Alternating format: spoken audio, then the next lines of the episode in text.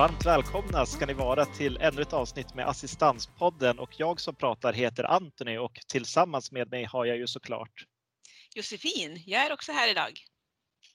Och vi är ju inte själva idag Josefin, utan vi har ju även en kär gäst på plats idag och vem om inte annat än Erik från Assistansrådgivningen. Varmt välkommen Erik! Tack så jättemycket! Det känns bra att vara här faktiskt. Jättekul att ha dig här också i podden. Men för lyssnare som kanske inte känner dig, skulle du kunna berätta lite grann om vem du är Erik? Ja, hur lång tid får jag på mig? Eh, jag har jobbat eh, väldigt länge på Humana, egentligen nästan i stort sett sedan företaget startade. Eh, och haft lite olika roller eh, på företaget som informatör och lite, lite annat. Men eh, på de senaste åren så har jag jobbat väldigt mycket med föreläsningar ute. Alltså jag besöker föreningar och organisationer och försöker berätta på ett enkelt och tydligt sätt eh, vad eh, LSS-lagen är, bland annat. Och jag är också ansvarig för det som heter Humana assistansrådgivning. Där man kan ringa och ställa frågor om allt som har med assistans att göra, skulle jag vilja säga, och övriga inom funktionsnedsättning eller vad man nu vill säga det. Nu kom du in på det här att jobba på assistansrådgivningen, men vad är det för någonting? Eh, ringer man eller mejlar man eller, eller hur kommer man i kontakt med dig? Det finns flera olika vägar att göra det på. Du har helt rätt, man kan mejla mig och man kan ringa mig och det finns ett telefonnummer eh, som gäller och man kan, det kan jag nämna här på slutet så att alla vet vilket nummer man ska ringa. Eh, assistansrådgivningen är ju för alla som har frågor om funktionsnedsättning skulle jag vilja säga, men i första hand då assistans. Eh, jag har genom årens lopp träffat väldigt mycket människor och ser att det finns en väldigt stor brist ute i samhället på att för det första få några klara svar och få lite goda råd utan man blir mest rundskickad. Och då såg vi här för, jag skulle tro, är det fem, sex år sedan vi startade assistansrådgivningen, eh, att här kan vi fylla en lucka att man kan ringa till oss och få ställa sina frågor och i de flesta fall hoppas vi kunna ge ett bra svar och hjälpa till. Så det, det är väl assistansrådgivningen i korthet skulle jag vilja säga. Du Erik, kostar det någonting att vända sig till assistansrådgivningen? Absolut inte. Det är helt gratis och det här är också bra att veta att även om assistansrådgivningen ligger under Humanas regi så är vi neutrala i de råd vi ger. Vi försöker ge så klara tydliga råd som möjligt som kan vara användbara överallt helt enkelt. Har du några exempel på eh, vilka typer av frågor eh, som man vänder sig till assistansrådgivningen med? Det kan faktiskt vara allt möjligt. Från skulle, de enklaste där vi inte kan göra så mycket som att jag behöver en käpp eller eh, jag behöver komma in på ett äldreboende för det är en del äldre som ringer också till att man har eh, ett stort behov av hjälp med assistans och annat. Det kan också vara att man behöver ha kontakt med myndigheter eller behöver hjälp med sitt barn och skolan och, och det finns en mängd stora frågor som eh, inte vi all, vi kan inte alltid svara på dem sådär rakt, rakt ut och ge väldigt tydliga svar. Men det vi har som vi som jobbar med assistansrådgivningen, det, det vi har som motto, det, det, är alltid att man ska få en tråd att dra i. Man ska kunna få ett svar som man kan komma vidare på, så man inte bara känner sig att man är rundföst någonstans, utan att man har någonstans att kunna ta tag i och komma vidare för att kanske få ett bättre svar än vad jag kan ge. Eh, I mitt dagliga jobb som jurist så träffar jag många människor som brukar beskriva just den här svårigheten att få stöd och, och kanske framförallt få information om vad som egentligen gäller. Eh, nu vänder jag mig till er båda två eftersom ni har mycket erfarenhet Josefin och Erik. Hur mycket stöd får man generellt från samhället när någonting oväntat inträffar? Till exempel att jag själv blir sjuk eller att en anhörig till mig blir sjuk och plötsligt behöver hjälp från samhället. Om jag tar bollen där då. Eh, jag har ju själv en son som har autismutvecklingsstörning och epilepsi och han är ju vuxen, han är ju 31 år så att eh, han är ju äldre än LSS-reformen till och med. Men, men jag tycker det som är min personliga erfarenhet i det här är att det beror lite grann på. Man kan ha turen att, att hamna hos en jättebra handläggare eller någon kurator på habiliteringen eller någon som, som lyckas fånga upp en där man är. Eh, men man kan också ha en jäkla otur och hamna och bara som Erik beskriver bli, bli rundflyttad mellan olika instanser. Och det som, som jag tycker att jag mötte så väldigt mycket från början när min son var liten och vi var nya i den här världen så var att, att eh, jag fick alltid höra, om det är någonting du undrar över så är det bara att du frågar. Men jag visste inte att jag skulle fråga. Om man inte vet vad som finns, vilken sorts stöd och hjälp som finns, så är det svårt att formulera den frågan. Och att, eh, sen i mitt yrkesliv, för sen har jag jobbat, jag jobbar ju i funktionshinderrörelsen med ett arvsfondsprojekt som heter Brukarstödcentra Västerbotten. Och där fångade vi upp just den här saken att, att eh, vi hjälpte till dels med saker inom LSS men även hemtjänst och färdtjänst och riksfärdtjänst och bostadsanpassning och alla, alla bitar man kan komma i kontakt med. Men att, att personer behövde inte formulera en fråga utan man kunde beskriva sin situation. Och då kunde vi, därför vi som jobbade där hade alla erfarenheter av att dels ha en eget eller nära anhörig med en funktionsnedsättning och dels att vi hade jobbat professionellt i sån här verksamhet. Så då kunde vi fånga upp frågorna där och guida rätt utifrån det. Kom med din livshistoria så ska vi se vad vi kan haka upp där på. Att det här låter som hjälpmedel, då är det hit du ska vända dig. Det här låter som färdtjänst, då är det det här. Så, så eh, för, för det, jag tror inte att det är så, så illvilja hos handläggare utan att man blir slussad runt, utan det är att, att man förväntar sig att den som, som kommer ska ha en färdig fråga. Just det, så ni fick lite grann rollen som en slags samordnande eh, instans då som hjälpte människor att, att vart man skulle ta vägen så att hitta rätt då. Eh, vilket det låter som att det påminner väldigt mycket om det jobb som du gör Erik i, inom assistansrådgivningen. Det stämmer bra det. Eh, jag skulle vilja berätta en liten historia som gör att eh, jag egentligen jobbar med det här idag. Det var när jag var helt ny och jobbade, mm, började jobba med det här med assistans och frågor kring funktionsnedsättning eh, på det här företaget så träffade jag en mamma som ah, var trött och sliten på grund av att hon hade en tuff vardag med sitt barn som hade funktionsnedsättning. Och då säger hon till mig så här, du Eriksson, vet du hur många kontakter jag måste hålla i luften för mitt barn? Och jag började gissa lite då och började tänka på, ja det är väl skola och det är väl kanske någon sjukvård eller så vidare. Och så avbröt de mig och sa nej, sa hon, det är 53 stycken olika kontakter jag måste hålla igång samtidigt. Och då tänkte jag så här, hur är det ens möjligt att man har den kapaciteten att hålla igång 53 kontakter samtidigt som man ska göra mycket jobb och, och har en oro och eh, har det tufft med sitt eh, barn och funktionsnedsättning. Och det är väl lite på den tråden som assistansrådgivningen spinner på. Det heter assistansrådgivning men det kommer många andra frågor. Att vi kanske kan avlasta dem här, ge andra möjligheter, kunna ge ett råd och faktiskt ibland bara lyssna. Bara vara någon som seriöst lyssnar och försöker eh, kanske bara vara en medmänniska. Och kan, vi, kan vi få folk att andas ut för en stund så tycker jag ändå att vi har gjort ett väldigt, väldigt bra jobb. Eller då känns det meningsfullt, även fast kanske det själva svaret inte blir så korrekt. Jag tycker det låter väldigt bra och jag har ju själv erfarenhet av att vara med bland annat på samordnade individuella planeringar då.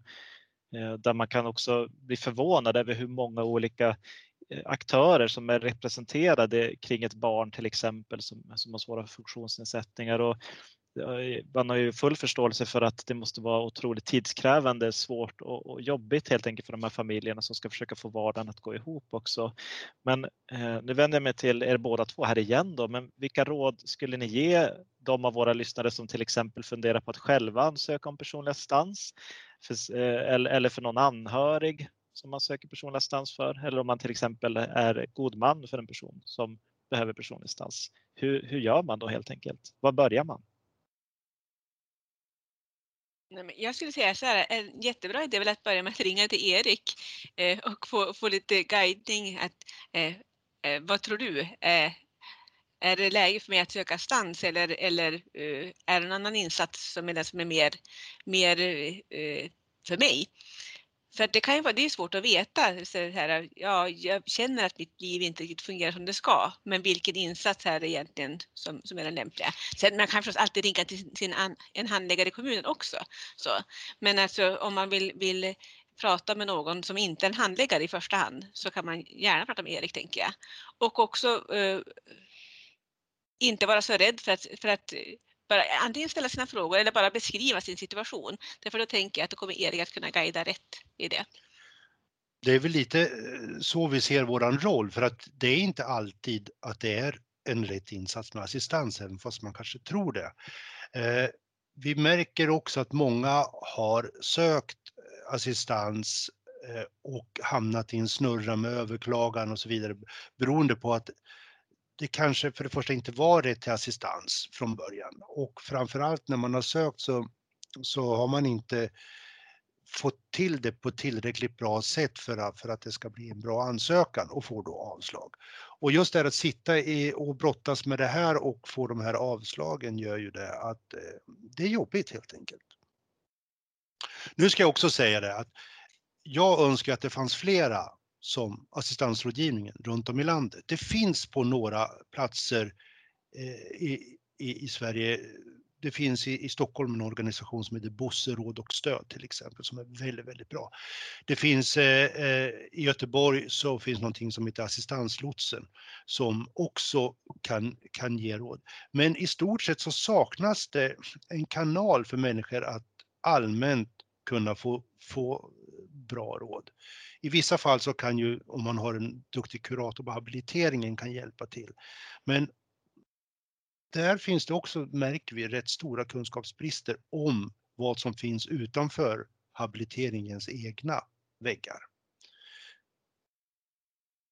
Jag tänker på att vi ska inte prata nu om förutsättningarna för rätten till personlig assistans och är det så att man är nyfiken på vad som gäller kring det och eh, grundläggande behov så kan ni gå in och lyssna på våra tidigare avsnitt i Assistanspodden.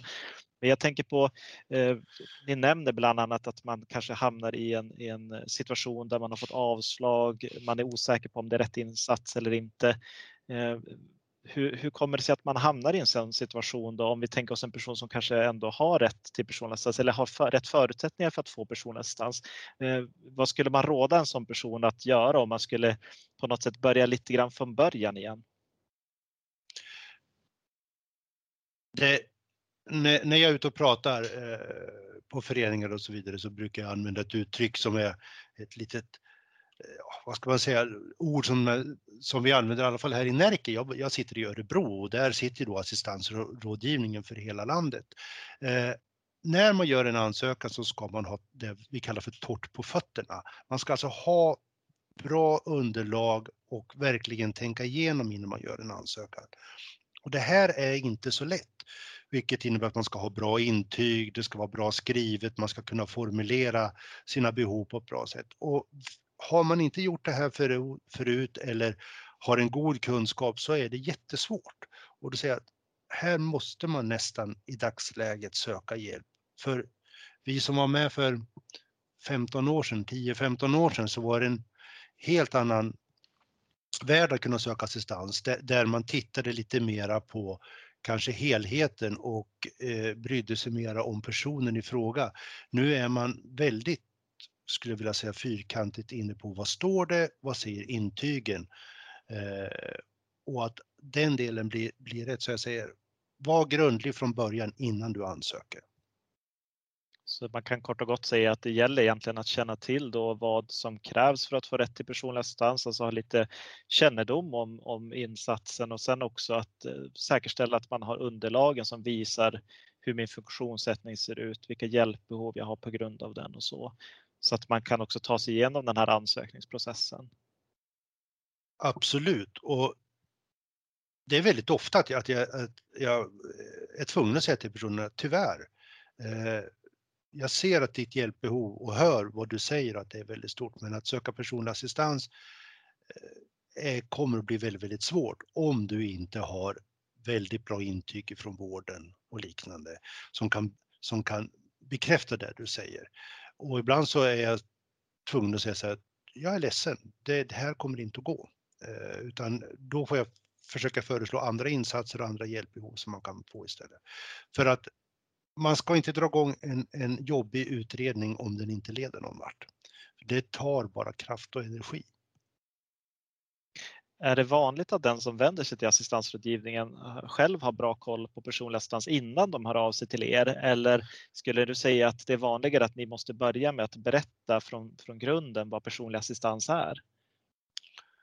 Jag skulle vilja säga att, att det är ofta så, som, som du säger att vi får berätta från grunden även om man har varit inne i svängen kanske länge, om man nu ska kalla det så, och sökt assistans eller till och med har assistans, så vet man eh, inte riktigt vad det grundar sig på och hur lagstiftningen ser ut och hur, även hur praxis idag i domstolar och liknande på försäkring, om man söker via Försäkringskassan eller kommuner, vad man lutar sig mot. Man, man har dålig koll helt enkelt.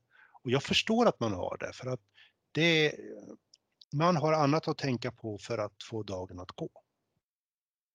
Jag tänker också att det är så här att om det, skulle, om det är så att man har gjort en ansökan och fått avslag och hamnat i en överklagandeprocess. Eh, för att man fått avslag på assistansen betyder ju inte att man inte har något hjälpbehov, utan det kan finnas andra insatser man har rätt till istället. Och när man är i process.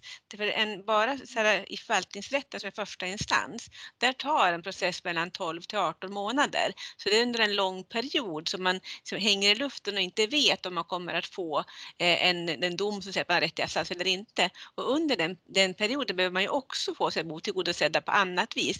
Och där tänker jag att det, där kommer också du in Erik, att du kan tipsa då om vad som finns istället. Att det finns ju allt från hemtjänst och boendestöd eller det kanske är ledsagarservice eller vad det nu är som man behöver ha under tiden man är i den här processen. Absolut, och där försöker vi kunna ge dem råd, vad, vem de ska kontakta, vad de skulle kunna tänka sig att få för stöd. Men nu är det ju så här också att det, det, vi har, vad är det, 200 kommuner i landet lite drygt och det ser väldigt olika ut hur det är organiserat i, i de olika kommunerna och där har inte vi detaljkunskapen vi på assistansrådgivningen utan ofta så försöker man prata med din handläggare eller eh, som jag ska bolla över till dig här Josefin, men det som heter samordnad individuell plan eh, eller SIP eh, är oerhört viktig och kunna vara bra. Du kan på ett kanske bättre sätt än jag förklara vad det är för någonting. Ja, det är, handlar ju egentligen om att om man har insatser från flera olika håll eh, så kan man behöva göra en, eh, en gemensam plan för det hela så att man kan se att, att behovet blir täckt från något håll. Eh, om man inte har rätt till assistans kanske man ska ha hemtjänst, eh, men samtidigt kanske man är, har en daglig verksamhet eller man har, behöver hjälp med sin hjälpmedels, eh, tillgång till hjälpmedel eller så. Och då har, har man ett gemensamt möte där, man, där alla olika instanser som man har eh, kontakt med är inkopplade och så gör man en plan. Vem ansvarar för vad i det här? Och då har man också en, en person som är ansvarig för själva planen. Så man ska själv inte behöva hålla i alla trådar själv. Det ska finnas en som är ansvarig för själva planen också. Men det man kan se där är ju också att det kanske finns andra insatser och hjälpbehov just en kommun där man har som kan komma upp vid ett sådant möte. Eh, så jag tycker att det, är någonting man ska ta med sig från det här Ehm, podden idag, att se till att man har en samordnad individuell plan. Om inte annat så ansöka en sån hos sin handläggare i första hand. Vi skulle vilja tacka dig så mycket för att du har kommit och varit med i Assistanspodden Erik och eh, hur eh, kommer våra lyssnare i kontakt med dig på assistansrådgivningen om det är så att de har några frågor eller skulle vilja eh, få lite råd från dig och dina kollegor?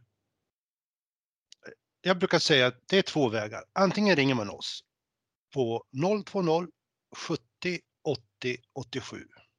020 70 80 87. Eller så kan man mejla till oss på assistansrådgivningen humana.se. Eh, det går även att via sociala medier och vår hemsida så kommer man att hitta information där. Toppen Erik, men är det då så att någon av våra lyssnare skulle vilja komma i kontakt med dig eller assistansrådgivningen så tveka inte att höra av er.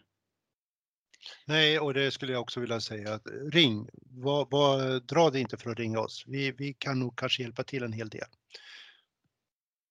Jättebra. Och vill ni komma i kontakt med oss på Assistanspodden, då gör man det via mail.